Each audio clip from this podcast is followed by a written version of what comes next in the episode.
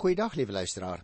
Ek wil vandag baie graag weer met jou oor twee spesifieke hoofstukke in die boek Job gesels, naamlik Job 18 en 19. Nou kan jy sê bro Johan, nou hoekom doen jy nou al weer twee sulke lang hoofstukke met mekaar saam? Daar's 'n baie interessante verband. Jy sien as 'n mens kyk na die opskrif in die 18de hoofstuk, dan sien jy dat een van sy ou vriende, ou Bildad, hy kom ook nou weer 'n slag met Job praat en hy sê vir hom: "Ek wil net vir jou sê Job, onheil wag die goddeloses in. Nou jy sal nou onthou as jy gereeld ons program luister, hierdie mense is van oordeel, hierdie vriende wat hom kom raad gee, is almal van oordeel.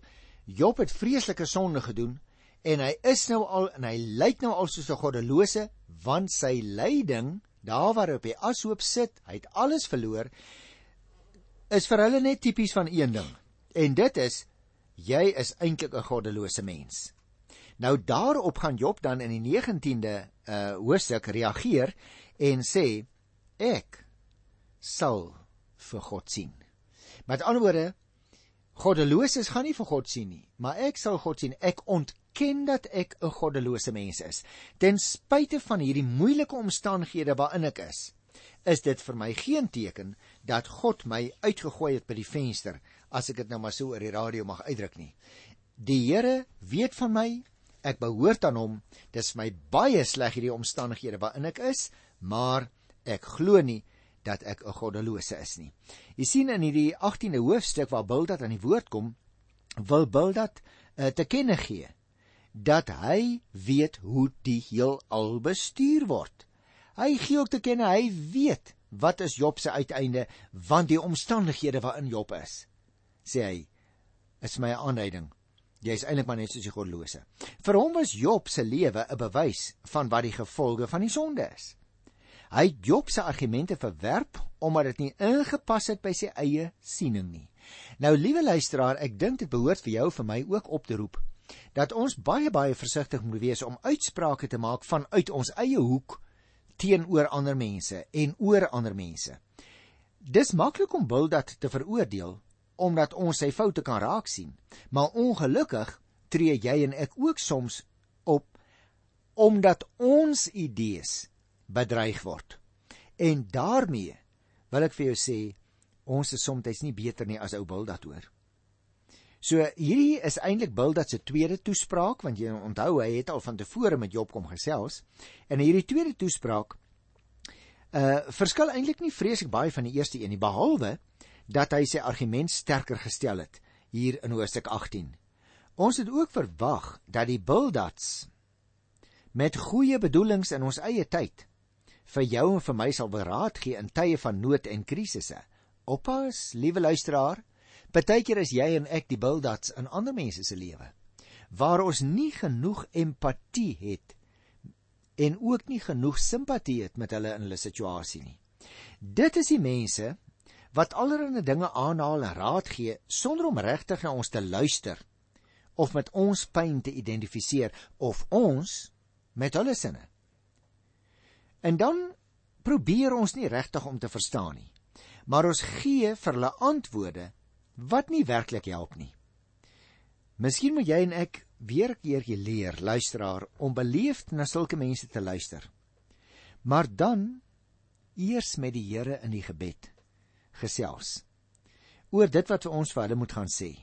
Want jy sien die Here sal vir jou vir my help om te sif en die goeie van die slegte raad wat ons dalk kan gee te onderskei. Ons moet nie leë woorde gebruik as ons iemand raad, raad gee nie. Dis belangriker om te wys dat ons omgee. Dat ons saam voel met daardie persoon. Ons moet liewer minder woorde praat as wat ons probeer om die regte dinge in aanhalingstekens te sê en dan sê ons net mooi die verkeerde ding. So kom ons lees die eerste paar verse hier in Job 18 van die eerste vers af.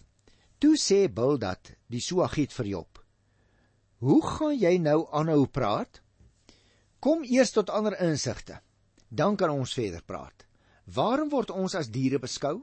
Is ons dan so dom in jou oë Jy is soos iemand wat homself in sy woede verskeur. Moet alle mense van die wêreld af verdwyn om jou tevrede te stel? Moet die rotse uit 'n plek losgeruk word? Jy sien, Jy merk op, hierdie keer praat Bildad baie kort, maar hy praat baie kragtig.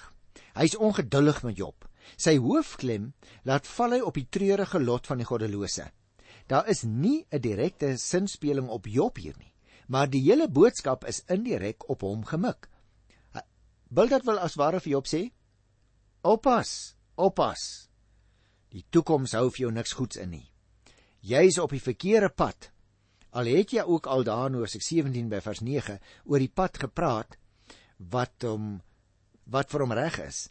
Jy sien, luister, Bildad se ongeduld met Job blyk uit al drie die verse wat hy praat hier in die eerste gedeelte van die hoofstuk. Hy wil hê Job moet eers erken dat sy vriende wel verstand het, dat sy vriende nie dom is soos diere, so sê hy daar in die 3de versie nie. En dan in die 4de vers, Job dink hy alleen is reg en die wêreld moet by hom aanpas. Intussen het hy sy eie roofdier wat hom verskeer, want hierdie vriende van hom skeer hom regtig waar uitmekaar uit. Luister vers 5 en 6: Die godlose se lig sal beslis uitgedoof word. Die vlam van sy vuur sal ophou brand. Die lig in sy huis sal doodgemaak word en die lamp langs hom sal uitgedoof word. Bildad hou sonder om te los vas aan die ou tradisionele opvatting. Wie ly, het gesondig. Wie gesondig het. Daar's vir hom 'n noodwendige verband tussen hierdie twee dinge. Die goddelose se pad lei eenvoudig na die dood. Lig en vlam en lamp wat hier genoem word in vers 5 en 6 is eintlik natuurlik maar almal doodgewone daaglikse gebruiksgoedere, selfs in 'n tent, maar as hulle nie daar is nie, is dit 'n teken dat die gebruiker dood is. So Bildad probeer 'n direkte lyn trek En arme ou Job, kan ek my voorstel, hy kry net swaarder en swaarder. Hy soeg eintlik onder elke woord wat hierdie sogenaamde vriend van hom met hom praat. Vers 7 tot 10. Sy kragtige tree sal al onsekerder word. Sy slim planne sal hom tot 'n val bring. Hy sal aan sy voete gevang word deur 'n struik. Hy sal in 'n struik inloop. 'n Wip sal hom aan die hakskeen vang. 'n Vangnet sal hom vasgryp. 'n Lus is vir hom op die grond weggesteek daar is 'n vanggat op sy pad. Jy sien die sterke word die swakke en onder sy eie slim planne gaan hy uiteindelik tot niet. En nou hierdie verse wat ek gelees het, veral vers 8 tot by vers 10, word daar ses maniere genoem waarop voëls of wild wilde diere soos bokke gevang word. Hoekom sou dit hier staan? Hierdie ses maniere om diere te vang wil eintlik maar net vir ons beklemtoon hoe die goddelose uiteindelik nie kan wegkom nie. Met ander woorde, as jy 'n dier nie met een manier kan vang nie, dan stel jy 'n wip of jy gebruik 'n ander manier. En so moet die goddelose weet uiteindelik sal hy of sy nie wegkom nie. En dit weet ons natuurlik ook, uh, broer en suster, die Here waarsku ons as ons die die uh, aanbod van die Here om in sy seun te glo nie aanvaar nie, dan sal ons uiteindelik in die oordeel kom. Kom ons lees hier vers 11 tot 15. Hy word van alle kante af met gevaar bedreig. Dit volg hom net waar hy gaan. Die onheil wag hom gretig in, die ongeluk wag vir hom. 'n Dodelike siekte sal sy vel wegvreet en sy liggaamsdele verteer. Hy sal uitgedruk word uit sy veilige huis. Hy sal weggelei lei word na waar die vrees heers. Niks wat hy het sal in sy woning oorbly nie. Oor sy woonplek sal brandende swaal gestrooi word. Nou dit is natuurlik baie sterk taal. Ek het by die oorsig net nou vir jou gesê dat Bildad baie baie sterk woorde gebruik en ook sterk beelde. En ek dink een ding wat 'n mens hieruit moet leer is dat hy vir Job wil sê wat ek kan toe jy ook al sou wou ontsnap ou Job jy word voorgelê deur onheil en dit gaan jou ondergang bewerk. Nou uh, uh, gebruik Bildad ook hier verskillende voorbeelde.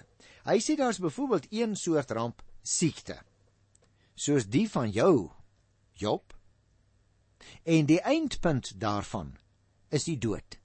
Dan in die 14de vers praat hy van groot vrees wat heers. 'n koning in die doodryk. Vers 15: Die goddelose het besoedel waaraan hy geraak het en daarom word alles met brandende swaal bestrooi. Nou die beeld kom waarskynlik daar uit Genesis 19 by die 24ste vers nê, die swaal en die vuur wat op Sodom en Gomorra geval het. So dit is verseker baie baie skerp vir oordelingswoorde wat Bildad hier gebruik in sy uitspraak oor Job. Kom ek lees vers 16 tot 19. Sy wortels sal van onder af verdroog en sy blare so verlep. Elke herinnering aan hom sal van die aarde af verdwyn. Sy naam sal nêrens meer bekend wees nie. Hy sal uit die lig, die duisternis ingestoot word. Hy sal uit die bewoonde wêreld verjaag word. Hy sal geen kind of nakomeling onder sy mense hê nie en daar sal niemand in sy woonplek oorbly nie. Natuurlik is dit so die afgekapte boom wat ons daar lees in vers 16, die kan natuurlik weer groei, maar nie as sy wortels verdroog is nie. Nou Job, dit lyk vir my jy so ver heen sê Bildad. Jy lyk soos 'n boom jou wortels al verdroog. Dit lyk nie daar is vir jou ook enige moontlikheid van 'n nageslag selfs nie. In elk geval is jou kinders mos al almal dood in die rampe wat hulle getref het.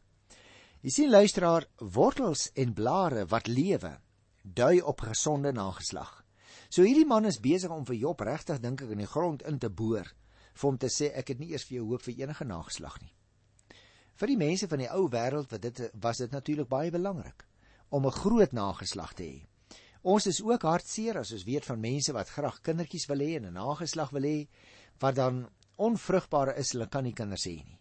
Maar as jy in die ou wêreld geleef het, dan was dit 'n 10 keer erger situasie. By die goddelose sê vers 19 is daar nie nakomlinge nie en daarom ook geen herinnering aan hom nie. Interessant dat in vers 18 en 19 die duisternis uh gebruik word as die beeld van die dood waarin Job ingestoot word en dan sterf so 'n persoon ook 'n onnatuurlike dood en in sy woonplek staan daar bly ook niemand oor nie. So dit is 'n redelike haaglike uh prentjie wat hier na vore kom. Luister na vers 20 en 21 want dit sluit uh Job die 18de hoofstuk af. Daar staan oor sy lot sal die mense van die ooste en die weste die hande van verbasing saamslaan en met vrees vervul wees. So sal dit gaan met die huis van die slegte mens. So sal die plek lyk van iemand wat nie vir God ken nie. Die goddelose is natuurlik en word hier geteken ook as iemand wat nie vir God ken nie. En dit is dan uiteindelik die uiteinde wat hierdie man wil dat eintlik vir Job begin voorspel. Nou die tweede aspek wat in ons program na vore kom is Job se reaksie. Hy sê: "Ek wil net vir jou sê, ou ou Bildad, ek, Job, ek sal vir God sien." Nou daarmee impliseer Job dat hy verseker nie 'n goddelose is nie, dat hy verseker 'n regverdige is wat aan die Here behoort. So kom ek uh, maak 'n paar algemene opmerkings voordat ek weer na sekere verse kyk hier in Job by die 19de hoofstuk. Dis maklik, luisteraars, om ander mense op hulle foute te wys. Job se vriende het hom beskuldig omdat hulle hom skuldig wou laat voel, nie omdat hulle hom wou troos of omdat hulle hom wou help nie. As jy en ek ook voel dat ons iemand anders die reg moet wys, moet ons vooraf seker maak dat ons dit uit liefde doen en nie omdat ons kwaad is vir die ou of omdat ons persoonlik verontrief voel byvoorbeeld of omdat ons die ander ou wil verkleineer nie. Ons moet ook nie met 'n ander ou gesels en hom teregwys om hom of haar skuldig te laat voel nie, want die skuldgevoel baat ons niks. Hierdie ou moet kan insien en gehelp word om te verstaan hy of sy het verkeerd opgetree en sonde gedoen en dit behoort nie so te wees nie. Daarom behoort daai persoon ook terug te gaan en te gaan regmaak wat hy kan. Dis nie altyd moontlik nie, né? Maar partykeer kan ons tog wel. Vir Job het dit naamlik gevoel op hierdie stadium of God hom soos 'n vyand behandel het. Mens kry dit ook weer hier in Hosea 19 by die 6de vers. In werklikheid was die Here natuurlik Job se vriend en het hy ook baie van hom gedink. Job het dus in sy probleemsituasie die vinger na die verkeerde persoon toe gewys. As ek vir jou sê dat die Here baie van hom gedink het, dan wil ek veral verwys na Hoofstuk 1 vers 8 en 2 vers 3. Jy onthou dit is daardie gedeelte waar die Satan gekom het en hy vra ehm um, of die Here seker is as dit nou met Job sleg gaan of hy nie die Here sou vervloek nie. En die Here het so hoë waardering vir Job as persoon dat hy vir die Satan sê jy kan hom aanval. Dit sal nie gebeur nie. So ons moet nie die oorsprong van hierdie gebeurtenisse uit die oog verloor nie. Dit was die Satan wat sy vyand was en nie God nie. Die meeste Israeliete het natuurlik geglo dat sowel die goeie as die slegte van God afkom. En hulle was ook onder die indruk dat 'n mens jou eie lotsbestemming bepaal deur die manier waarop jy optree. Alhoewel jy en ek self, liewe luisteraar, verantwoordelik is vir baie van die lyding in die wêreld ook, speel die bose ook 'n rol. Ons moet geen twyfel daaroor hê nie. Nou ja, goed, dit is so 'n uh, paar algemene opmerkings oor hoofstuk 19. So kom ons kyk nou na die eerste 4 verse. Ek lees dit. Toe het Job weer gepraat. Hoe lank gaan julle my bly pynig en my met woorde striem? Dit is die soveelste keer dat julle my beledig en my sleg behandel sonder om julle te beskaam. As ek werklik gedwaal het, is my dwaling my eie saak.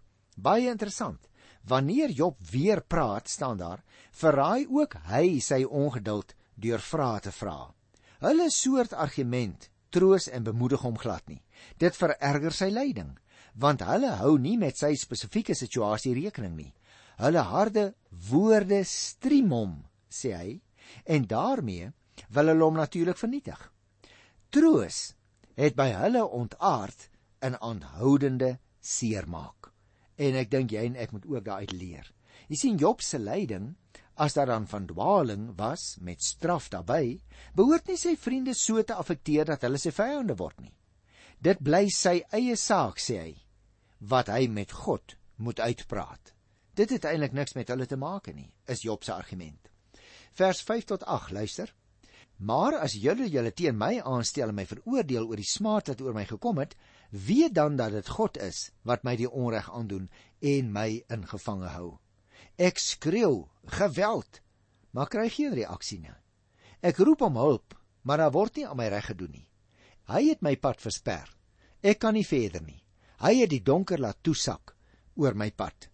Nou dis interessant wat ons hier lees, jy sien, want hulle het hulle self aangestel as regters oor 'n saak wat in God se hand is en wat eintlik die Here se saak is. Job is in God se net.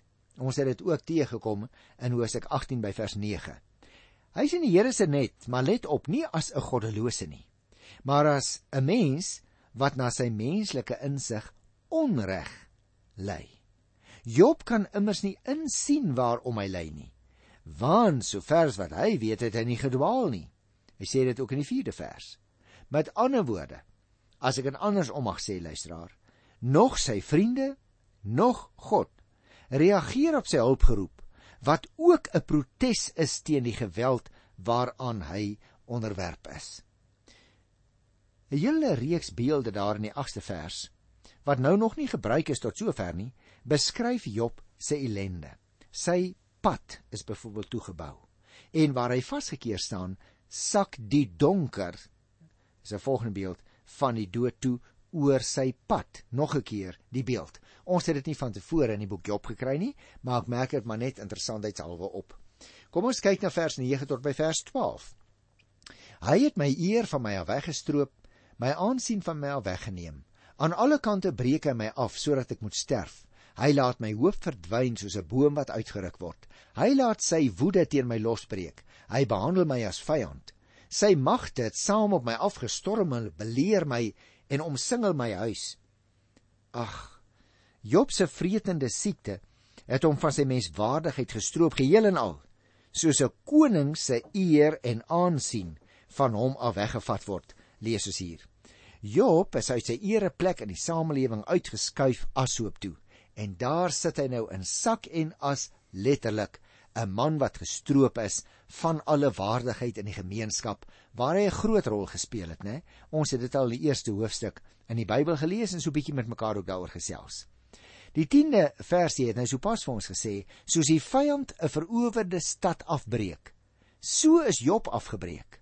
Hy is soos 'n boom wat uitgeruk is en hy het nie meer hoop op 'n nageslag nie. Vers 11 en 12 het ek gelees waar ons geleer het Job is God se vyand en die Here beleer Job se huis, so asof dit 'n vyandige stad is wat die Here wil inneem. So word hulp van buite met ander woorde afgesny en Job as eenling sonder 'n enkele helper agtergelaat in sy eie situasie. So Job beleef homself regtig as 'n gevange persoon wat in 'n kerker sit en toegevou word deur hierdie omstandighede waaruit hy net eenvoudig nie kan uitkom nie. Kom ek lees vers 13 tot 15. My broers het hy van my verwyder. My bloedverwante is van my vervreem. My familie het my verlaat. My bloedverwante het my vergeet. My huismense en my slavinne beskou my as 'n vreemdeling. Ek het vir hulle geword soos 'n uitlander. Het jy opgemerk luisteraar? Verskillende groepe van moontlike helpers word eintlik in hierdie verse 13 tot 15 genoem. Broers en familie en bloedverwante. Wie se verantwoordelikheid 'n mens sou sê dit is om in so 'n noodsituasie te kom help. Maar nou is selfs hulle nie bereid om hom te help nie. Of deur God se belering is hulle dalk weggehou. So begin Job nou te wonder.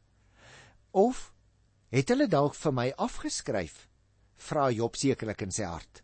Op grond van my ellende, hulle wil dalk nie na my kom nie want my toestand is net eenvoudig te beklaanswaardig. En wie luisteraar, dit is ook nog 'n probleem wanneer mense soms siektes het wat hulle wat hulle regtig laat uitteer of siektes wat hulle baie lelik laat lyk en wat hulle nie lekker laat ruik nie of siektes wat hulle bose sweere laat uitslaan. Nou wil sommige van ons nie sien nie. En het jy al ooit daaroor gedink wat dit vir daardie arme persoon moet beteken? Wat in die bed lê en weet my vriende wil nie meer na my kom nie. Ek is regtig, ek beleef myself van God en van mense verlate. Nou die Bybel leer dit natuurlik nie want die Here sal ons nooit nie steek laat nie. Maar ons, ag, liewe vriende, ons moet dalk 'n hand in eie hart steek, hoor. Ek wil graag afsluit met die hoofstuk, maar ek wil graag spesifiek op vers 25 wys. Ek weet my losser leef. Uiteindelik sal hy op die aarde triomfeer. Met ander woorde, al is Job se familie weg, daar is dalk niemand om hom te help nie. Ook sy vriende ryk nie regtig na hom nie. Vertel Job wat die Here alles gedoen het. Jy kan die hele gedeelte gaan lees. En tog is God sy getuie in die hemel. God is dus nie die een wat hom net wil teëstaan nie. God is sy getuie. Hy is die regter wat vir Job vrygespreek het. En daarom is dit belangrik dat ons sal sien in hierdie moeilike omstandighede. Sê Job, ek het 'n losser wat sal ingryp. En die losser leef. Hy is God in die hemel wat ook op die aarde regeer sê hy en oor sy vyande en teestanders sal triomfeer. Job bevestig dus met ander woorde sy vertroue in die Here as hy sê ek weet dat my losser leef. Nou, liewe luisteraar, 'n losser was natuurlik in daardie tyd 'n familielid of iemand anders wat 'n slaaf vrygekoop het of na 'n weduwee omgesien het. En hier sê hy, Job se eie mense wil hom nie help nie. Hy moet dus 'n ander losser hê. Sy vriende help hom nie, sy familie help hom nie. Hy kan eintlik net vir God vertrou om hom uit die moeilikheid uit te haal. Hoe groot was Job se geloof tog nie? Jy en ek moet dalk ook onthou dat hy nie geweet het van die ooreenkomste tussen God en Satan nie. Job het gedink dat God al hierdie beproewings oor hom gebring het en te midde van al daardie ellende het hy nog steeds verwag om God te sien terwyl hy nog lewe. Maar al het hy geglo dat God self al daardie swaar kry oor hom gebring het, het hy nog steeds ook vasgeglo dat die Here uiteindelik weer aan sy kant sal kom staan. Wil net volledigheidshalwe sê Sommige verklaarders is van mening dat Job hier van die opstanding van die liggaam praat. Ander dink weer dit gaan hier oor Job se herstel en dat die Here nog in hierdie lewe Job se saak sal regstel. Maar nou ja, ons het al daaroor gepraat. Ek sluit dus af met die laaste twee versies uit Job 19. As julle dan sê julle wil my vervolg, die wortel van die kwaad by my opspoor, moet julle die swaard vrees want in sy toorn straf God die sonde met die swaard. Dan sal julle weet dat daar 'n regter is. So jy sien, daarom sal Job bly lewe. Al word hy weggevreet deur sy siekte. Hy sal sy losser God self sien nog in hierdie lewe.